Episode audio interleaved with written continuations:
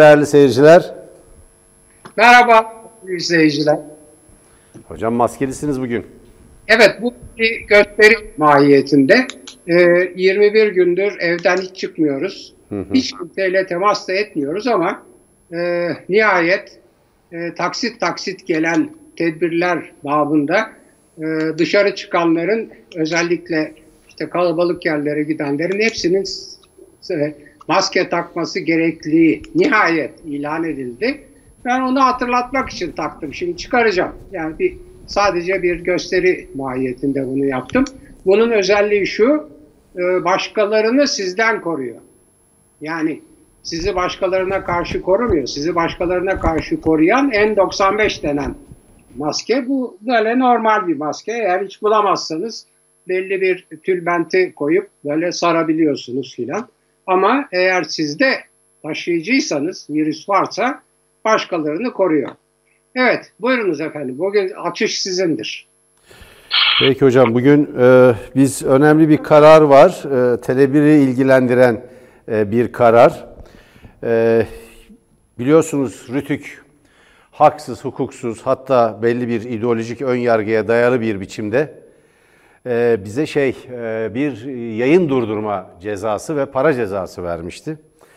E, para cezasının miktarını en yüksek seviyeden e, saptayacaklar. O, da verdiğimiz beyannameler üzerinden e, saptanacakmış. Ama biz hemen biliyorsunuz Cuma günü mesai saatinin dolmasına çok kısa bir süre kala bize tebliğ edilmişti ve biz ister istemez bu sabah uyguladık. Rütü'nün gönderdiği belgeselleri yayınladık. Araya reklam girmedik.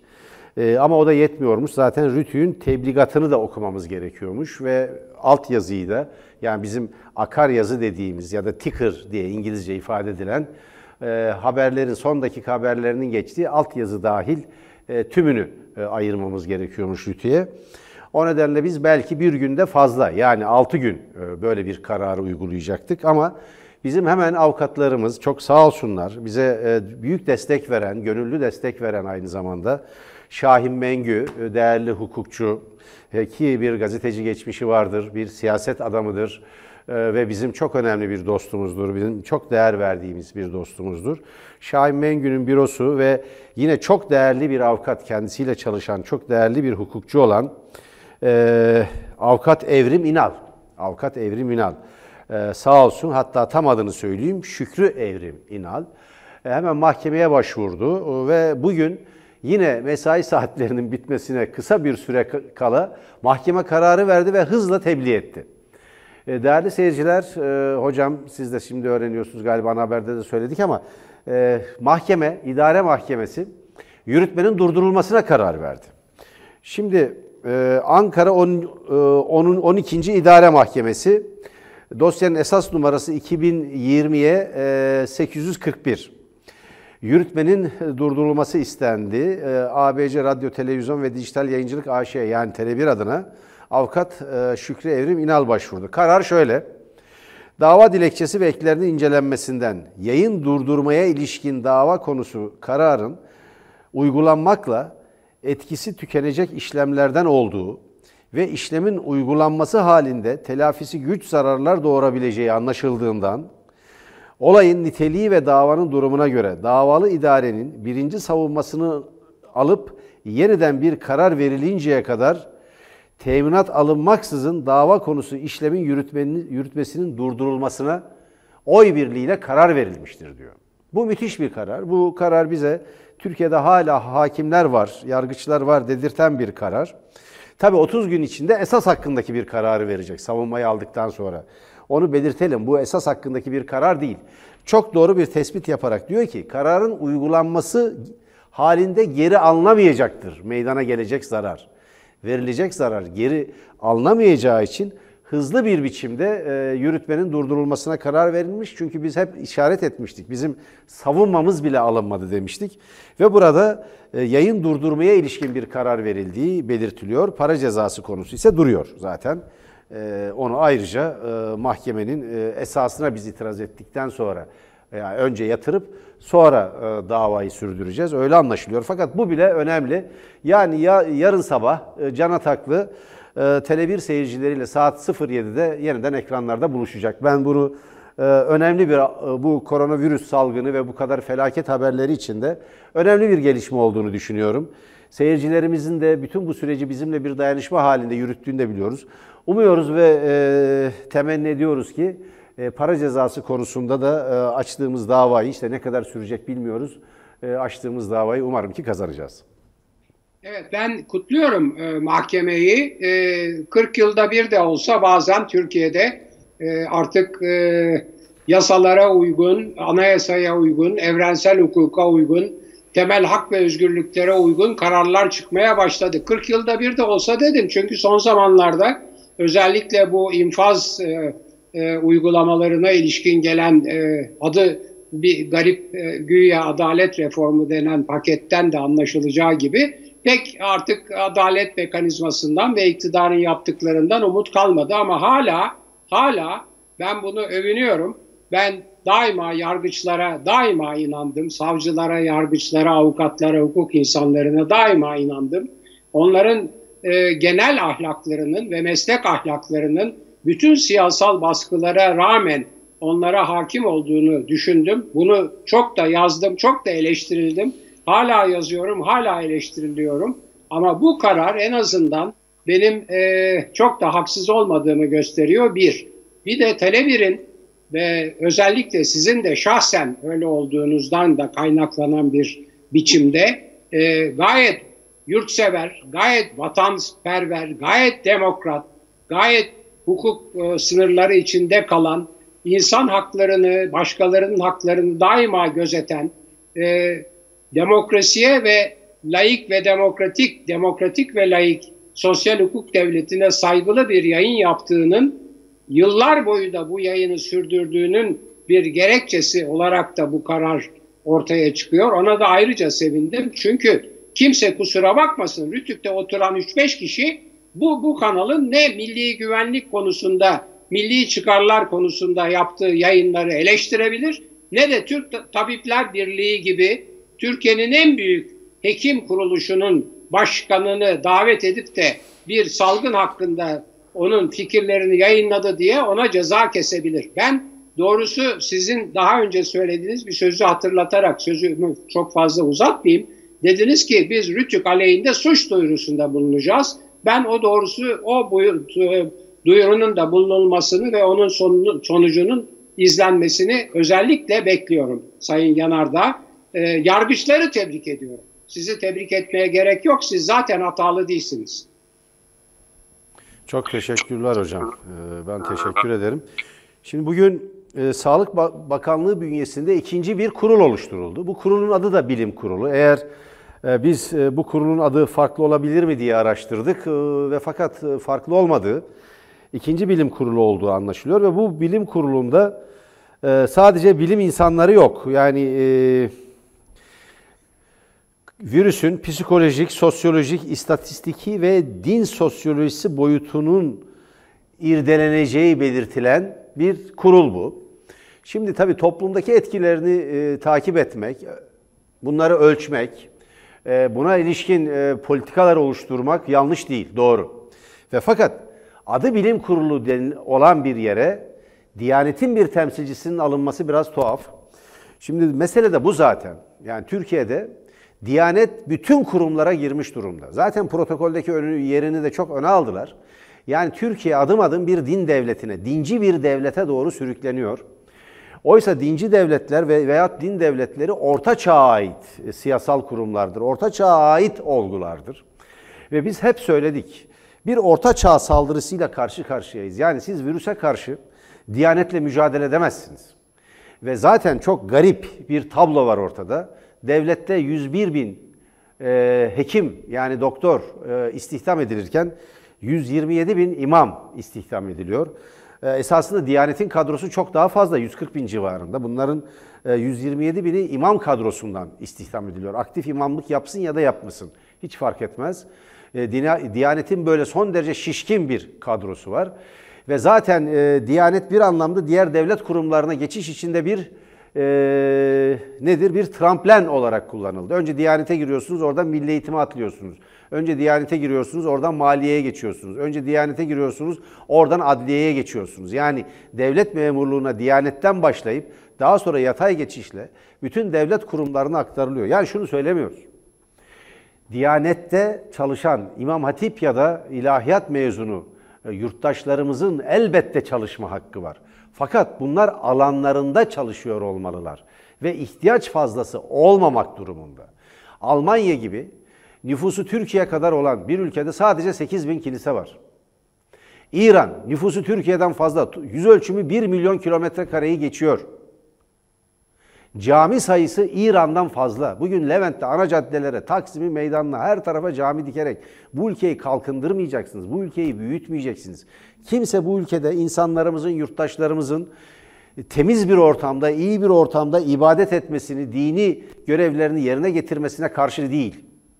Kimse caminin olmasına da camilerin kapatılmasını da savunmuyor. Ve fakat kaynaklarının önemli bir kısmını camiye, imam hatipe yatıran bir devlet 21. yüzyılda hiçbir şansı olmayan 3. lig, 5. lig ülkesi olmaya aday demektir. Ne koronavirüsle ne başka türden hastalıklarla yarışam mücadele edemeyeceği gibi gelişkin batılı ülkelerle bilimde, teknolojide, eğitimde, hiçbir alanda, tıpta, hiçbir alanda yarışma şansı yoktur. Israrlı bir biçimde bunu yapan mevcut iktidar en sonunda Sağlık Bakanlığı'nda oluşturulan ikinci bilim kurulu denilen adına herhalde birincisini almadılar. Birinci bilim kurulundakiler itiraz etti galiba. Bunun üzerine ikinci bir bilim kurulu oluşturup orada sosyologlar, psikologlar ve Diyanet'ten gelen işte din sosyolojisi bakımından incelenecekmiş. İnsanlar e, burada görev yapacakmış. Şimdi hocam şöyle düşünülebilir. Elbette din adamları da koronavirüsle mücadelede halkın moralinin yükseltilmesinde, bir takım tedbirlerin uygulanmasının sağlanmasında önemli bir rol oynayabilirler. Katı dindar bazı yurttaşlarımızın bazı kurallara uymasını sağlamakta önemli bir rol, olumlu bir rol, yapıcı bir rol oynayabilirler. Ama Sağlık Bakanlığı bünyesindeki bir bilim kurulunda Diyanetin temsil edilmesi demek, yarın bir gün genel kurmayda da temsil ettirin. Her yerde temsil ettirin. Yani yargıtaya bir tane Diyanetten bir kişiyi atayın. Olup olmadığını da bilmiyoruz ayrıca. Olabilir de. Yani Türkiye'nin bütün kurullarına bir Diyanet temsilcisini atayarak bu ülkeyi dinsiz zannettiğiniz daha önce bu milleti dindar, dinsiz yaptığınız devleti de din devleti yapmış olmayacaksınız. Bir orta çağ devleti yapmış olacaksınız. İnsanlığın açtığı, geride bıraktığı bir e, çağa bu toplumu iade etmeye çalışmaktan başka bir ilkellik değildir bu. Buyurun hocam. Evet, bence çok haklısınız. E, esas olarak e, sadece bir e, bilim kurulu, ikinci bilim kurulu meselesi değil. Onu söyleyeceğim. Oraya halk halk sağlığı uzmanları almışlar anlayabildiğim kadar. Halk yani ben uzmanları var, sosyologlar var, psikologlar var ve Diyanet'ten gelen temsilciler var. Ha, Diyanet'ten gelen temsilcileri doğrusu bilmiyorum. Evet. Ee, sizin dediğiniz biçimde düşünülüyorsa yani bilim kurulunun e, önerilerini Diyanet'e aktarıp Diyanet'in bilim kuruluna destek vermesini örneğin cuma toplu cuma namazlarının e, yasaklanması kararına Diyanet'in riayet etmesini sağlayabileceklerse bunlar ki buna biliyorsunuz yabancı ülkelerde liaison officer denir. Yani ilişkiyi sağlayan, bağlantıyı sağlayan görevli denir. Eğer öyle bir liaison görevi yapacaklarsa bu Diyanet'ten gelenler başımızla birlikte. Yani eğer bilim kurulunun kararlarını Diyanet'e aktarıp onların desteğini bu kurulun kararları açısından sağlayacaksa tabii. Ama onun dışında ben sizin söylediğiniz, e, e, ifade ettiğiniz kaygının çok geçerli bir kaygı olduğu kanısındayım. Hatta sizin sorunuza e, siz de biliyorsunuz o sorularınızın yanıtları var. Yani hastanelerde de, orduda da, Türk Silahlı Kuvvetleri'nde de, e, milli eğitimde de, şurada da, burada da hemen hemen her yerde Diyanet'in temsilcisi yani imamlar var. Yani imamlar e, çeşitli biçimlerde e, çeşitli biçimlerde zaten e, e, Türkiye'deki bürokrasinin her bir e, her bir e, alanında var.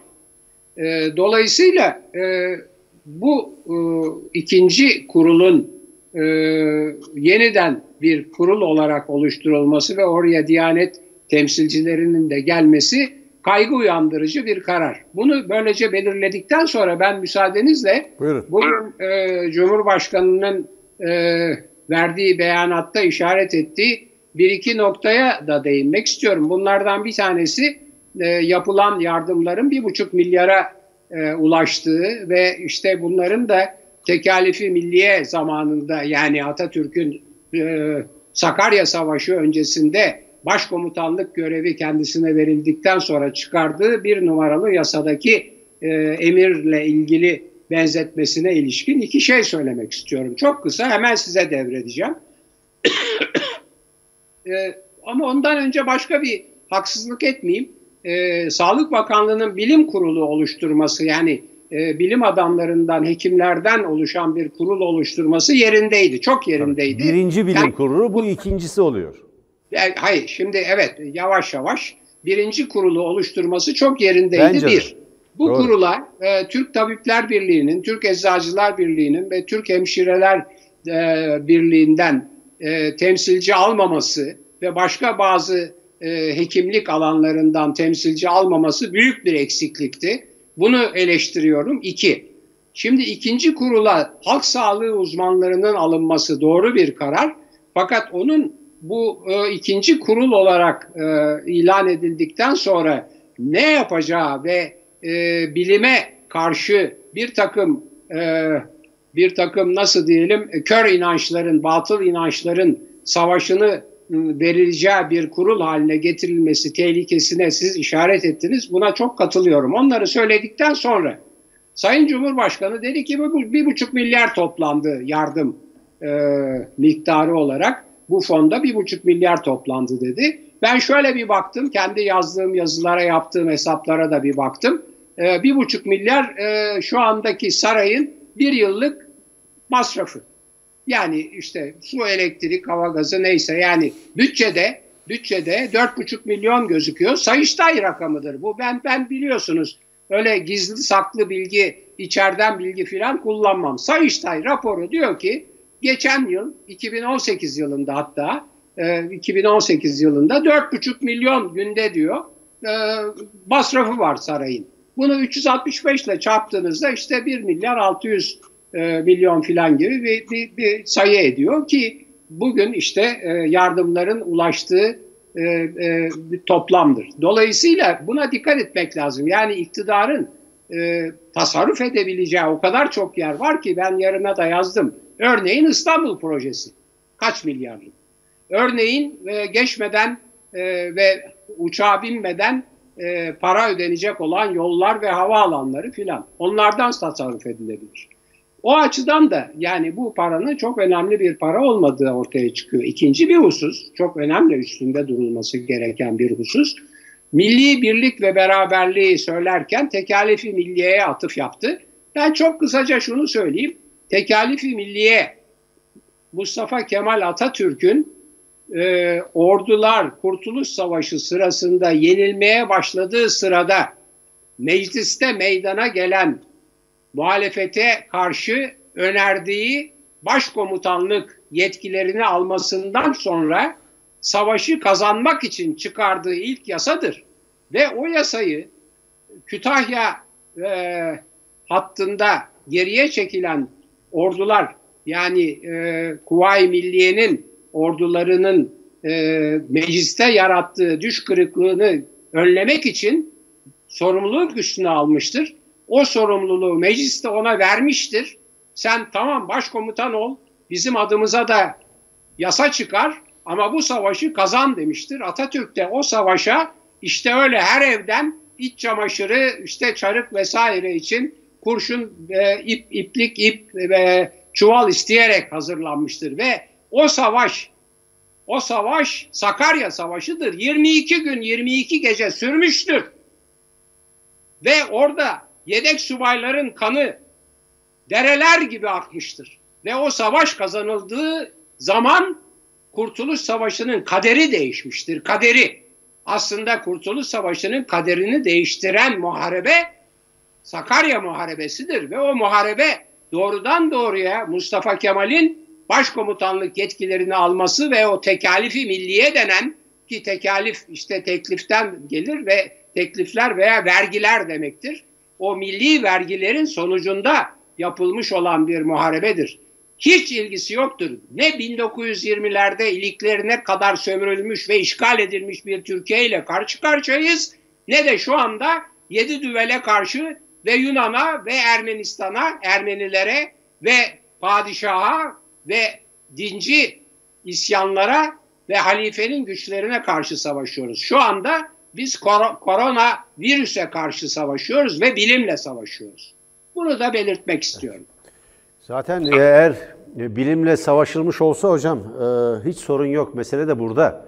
Bir diyanet temsilcisi niye var derken Diyanetin Diyanet ile bilimin yan yana gelemeyeceğini anlatmaya çalışıyoruz. İki ayrı alandır. Bakın. E, eğer ikisini birbirinden ayırmazsanız inananlara da bu ülkenin Müslümanlarına da haksızlık edersiniz. Bilimi ve dini birbirinden ayırmak durumundasınız. İkisi iki ayrı ihtiyaç. İnsan insan dünyasının iki ayrı e, alanıdır. Laiklik zaten bu alanları birbirinden ayrıştırmak, birbirine müdahale etmesini engellemek üzerine kuruludur. E, tekalifi milliyeye gelince bu aynı zamanda bir milli borçtur. Bedeli kurtuluştan sonra ödenmek üzere alınmıştır.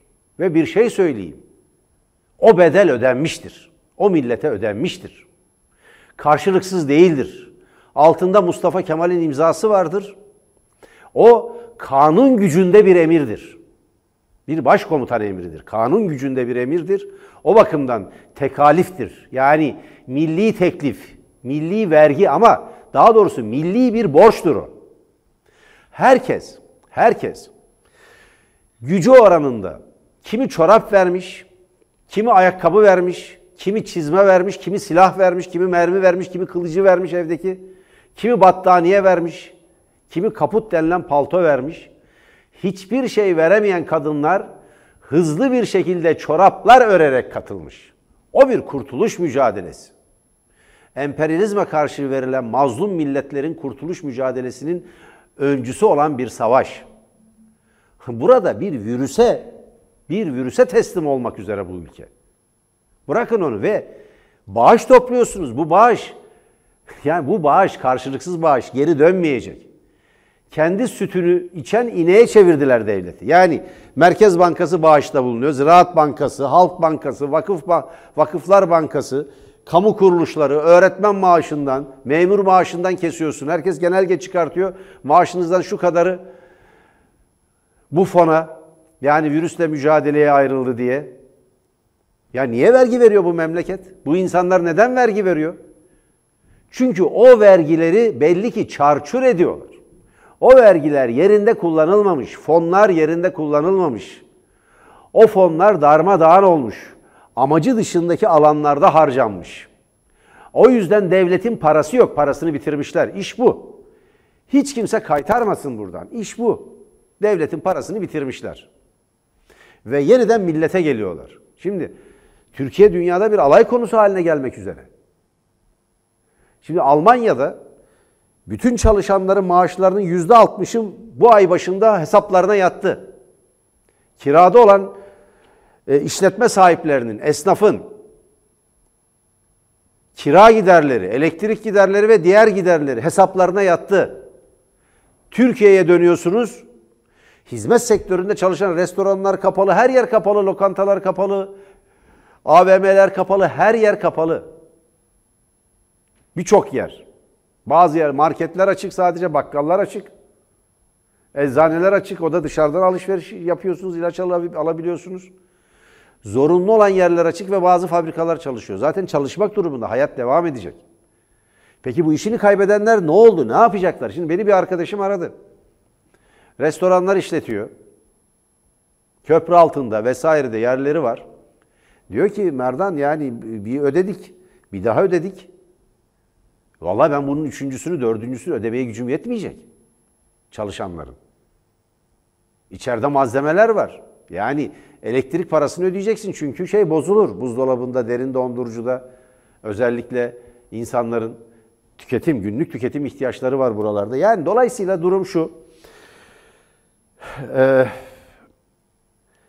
bilim ve akılla mücadele yerine bilim ve akılla mücadele yerine dinci bir perspektifle virüsle mücadele etmeye kalkarsanız işte böyle sonuçlarla karşı, karşı, karşı karşıya kalıyorsunuz. Virüsle insanlar can derdindeyken virüsle mücadele etmek yerine virüsün yarattığı krizi bir fırsata çevirerek buradan nasıl bir siyasal rant çıkartırım? Rejimi değiştirmeyi nasıl devam ettirebilirim? Belki 15 Temmuz gibi bana ikinci bir olanak daha sağlar mı?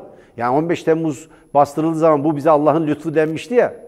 Bu da acaba bir Allah'ın lütfu olabilir mi diye bir hesap yapılıyor. Şimdi o kadar saçma sapan şeyler var ki hocam. Şimdi bazı soytarılıklar yapıyor. Yani yazar değil soytarı bir takım e, isimler var. Hakikaten soytarılar. Yani bu kelimeyi bilerek, e, seçerek söylüyorum. Efendim, e, sokağa çıkma yasağı konulursa insanlar, sokaklar gezicilere kalacakmış. Teröristlere kalacakmış. Bu bir darbe planı olabilirmiş. Ya bu nasıl bir korkudur? Allah aşkına yani kendi iktidarınızdan, kendi abdestinizden niye bu hiç emin değilsiniz? Niye bu kadar korkuyorsunuz? Bu anlaşılır gibi değil. Yani e, ortada suni bir denge var. İktidar suni bir denge üzerinde duruyor belli. Bütün gücünü ve Türkiye'yi yönetme yeteneğini yitirmiş vaziyette. Bu öyle anlaşılıyor. Oysa etkili bir mücadele yurttaşlarımızın maaşlarını devlet tarafından ödeyerek çünkü biz vergilerimizi bu yüzden ödedik. Devlet tarafından ödeyerek, masraflarını, kiralarını devlet tarafından karşılayarak etkili bir 15 gün en az. Normal olarak bir ay sokağa çıkma yasağı ilan ederek bu hastalığı kontrol altına almak lazım. Türkiye'nin bir şansı var. Geç geldi doğru bu hastalık. Fakat ideolojik, dinci ideolojik ön yargıları nedeniyle bir takım yöneticilerin hızlı bir şekilde yayılma eğilimi gösteriyor. İşte umreciler son cuma. Çünkü kafa başka türlü çalışıyor. Siz kalkıyorsunuz, konut kredilerini artırıyorsunuz. Valla bunun koronavirüsle mücadelede ne işe yaradığını anlayamadım. Uçak biletlerindeki şeyi düşürüyorsunuz. Vergiyi, KDV'yi. Ne işe yarıyor hocam? Siz çözebildiniz mi onu? Hayır Onun çözemedim. Kendisi... Ee, şimdi bu vesileyle e, üç kısa noktayı belirtmek istiyorum. Not aldım. Birincisi Sayın Cumhurbaşkanı milli birlikten ve bu gelecek olan yardımların herkese, herkese burası çok önemli. Hiçbir ayrım yapılmadan dağıtılacağından söz ediyor. Ama bakıyorsunuz ne yapıyor diye kendisi belediye başkanlarıyla toplantıyı sadece AKP'li başkanlarla yapıyor. Şimdi kamuoyu derhal diyor ki yani herkese dediği işte şu kadar e, galiba ana haber bülteninde de söylendi 8 bin e, aile falan deniyor veya işte o civarda bir şey. Bunlar tabii diyorlar kendi arkadaşlarıdır, kendi yandaşlarıdır vesairedir diye iddialar var. Yani birliğin, milli birliğin, milli beraberliğin, mali ve ekonomik ülkenin mali ve ekonomik gücünün eşit ve koronavirüse karşı adil bir biçimde kullanılmasını savunan Cumhurbaşkanı belediye başkanlarıyla yaptığı toplantıyı sadece kendi başkanlarıyla AKP Genel Başkanı olarak mı yapar? Ve gene habire bugün söylemedi ben bekledim söyleyecek mi diye baktım. CHP Genel Başkanı'na sataşarak devam ediyor sözlerine. Dün öyle yaptı veya en son konuşmasında. Bugün onu yapmadı ama bir atıf yolladı engellemek istiyorlar filan diye. Oysa herkesin gördüğü bildiği bir şey var. Bağış kampanyası dahil, sokağa çıkma yasağı dahil, maske dağıtımı, bedava maske dağıtımı dahil hepsinde CHP'li belediyeler öncülük aldı. Bağışı da önce onlar başlattı. Bedava maskeyi de onlar başlattı. Ondan sonra önce bakan, bir bakan çıktı, satışa sunduk dedi. Sonra millet haykırınca ya bu ne biçim rezalet belediyeler bedava veriyor sen satıyor musun diye onu da işte evlere yollanacak filan diye. Bu, bu arada Hocam, İstanbul benim Belediyesi yardımı yurttaşlarımıza yardımı 7, 775 milyon liraya çıkardı. Çok evet. önemli bir rakam. Evet, şimdi, 775 ya, milyon liraya çıkardı İstanbul Büyükşehir Belediye Başkanlığı. Evet, yalnız şunu şunu hemen eklemek istiyorum o e, programın başında gördüğünüz e, maskeyi sanmayın ki bana o 65 yaşın üstünde ben 77-78 yaşındayım. 65 yaşın üstündekilere yollanacağı söylenen kolonyadan ve maskeden aldım. Hayır. Ben eczaneden 50 tanesi 170 liraya satılan maske kutularından aldım. Satın aldırdım. Ben çıkıp çıkmıyorum tabii. Bir arkadaşa rica ettim. Bir eczaneden 50 tanesi 170 lira. Yani tanesi 50 sentten daha fazla. Yani 3 liradan daha fazlaya geliyor ki başka yerlerde de öyle satılıyormuş. Yani o eczanenin sattığı fiyat normal bir fiyat. Yani parayı verdim aldım. Ee, kendim de tıraştan sonra kolonyamı sürünüyorum. Ben zaten tıraş losyonu yerine kolonya sürünürüm. Ve beklemiyorum yani kolonyanın ve maskenin gelmesini ama yani belediyeler bedava maske dağıtırken bakanın çıkıp da maskeyi her yerde satacağız, kolay erişilen yerde satacağız, sunacağız demesi bir e, kabul edilebilir bir şey değil. Bu bir. iki. Sayın Erdoğan bugünkü dediğiniz... konuşmasında bu durumu düzeltmeye çalıştı. Evet, evet, evet. Bu sizin dediğiniz krizi fırsata çevirme meselesinde de iki örnek vereceğim. Hemen size e, devrediyorum. E, bir, infaz yasasını getirdiler. Bu bilin, bilindiği şekilde gayet net ve açık bir özel af yasasıdır. Yasalara göre de af yasasıdır, anayasaya göre de af yasasıdır. Fakat anayasaya göre bir af yasasının getirilmesi ve kabulü için 3 bölü 5 yani şu anda 360 sandalyeye anayasaya göre ihtiyaç olduğu için bunu söylemiyorlar. Efendim infaz yasasında değişiklik diyorlar. Oysa baktığınız zaman infaz yasasına Adalet e, Bakanlığı'yla ve infazlarla ilgili, aflarla ilgili yasalara bunun çok açık ve net olarak bir özel af yasası olduğunu görüyorsunuz. Bunu getiriyor ama o arada hem e, bu terör örgütüne üye olmamakla beraber, üye olmadığı halde filan diye başlayan o garip e, maddeyi hiç maddeye hiç dokunmuyor. Yani o maddeden her muhalifi içeri atabileceğiniz bir maddedir o. O maddeden e, tutuklu ve hükümlü olanlara dokunmuyor, o maddeye dokunmuyor. Tutuklu yargılamaları esas yaptılar. İnsanların tutuklu yargılanmalarını esas yargılanma yaptılar. Pek çok tutukluyu içeri tıktılar. Ona hiç dokunmuyor. Daha önemlisi siyasi tutukluların ve fikir suçlularının ve hatta Cumhurbaşkanlığına hakaretten var mı içeride o konuda bilmiyorum e, tutuklu olan veya mahkum olan. Oradan girenlere hiç dokunmuyor. Yani siyasi suçlu, fikir suçlusu yok. Bu bir. İkinci husus yani krizden fırsat yaratma Milli Eğitim Bakanlığı'nın şeyi e, uzaktan yönetimi, şey uzaktan eğitimi. Yani Cemil Kılıç Hoca atmasa tweet'i ve fotoğrafını koymasa inanamayacağız. İngilizce dersinde İngilizce dersinde bir kadın öğretmen 19 Mayıs yerine 19 Mart öğretiyor. Bu nedir bu şey diye soruyor ve işte İngilizce öğretirken 19 Mart'ı da 19 Mayıs bayramı olarak anlatıyor. Eğer Cemil Hoca fotoğrafı koymasa, Cemil Hoca söylemese hakikaten ben inanamam böyle bir şey olduğunu.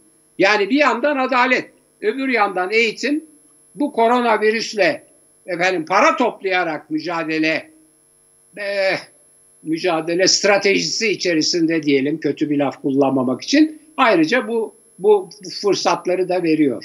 Evet efendim. Hocam süremiz doldu.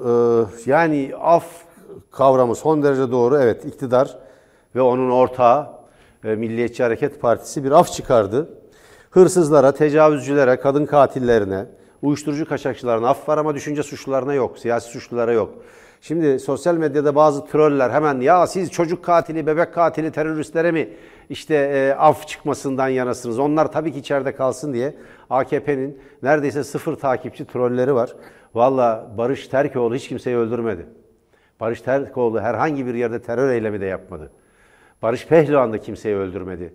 Kimseye saldırmadı, kundaklamadı, ateş etmedi. Sabotaj yapmadı, hiçbir yeri bombalamadı. Murat Arel de bunu yapmadı. Hülya Kılıç da bunu yapmadı. Osman Kavala da bunu yapmadı. Bir partinin eş genel başkanı içeride. Selahattin Demirtaş da bunu yapmadı. Şimdi neyi tartışıyorsunuz gerçekten? Ortada bir ayıp var. Ortada bir ayıp var. Ortada bir ayıp var. Kadına ve çocuğa karşı suç işleyenleri serbest bırakıyorsunuz. Uyuşturucu kaçakçılarını serbest bırakıyorsunuz. Düşünce suçlularını içeride tutuyorsunuz. Umarız ki Anayasa Mahkemesi eşitlik ilkesi gereği eşitlik ilkesi gereği infaz yasasını bütün hükümlülere ve tutuklulara uygulayacaktır. Umarız bunu yapar.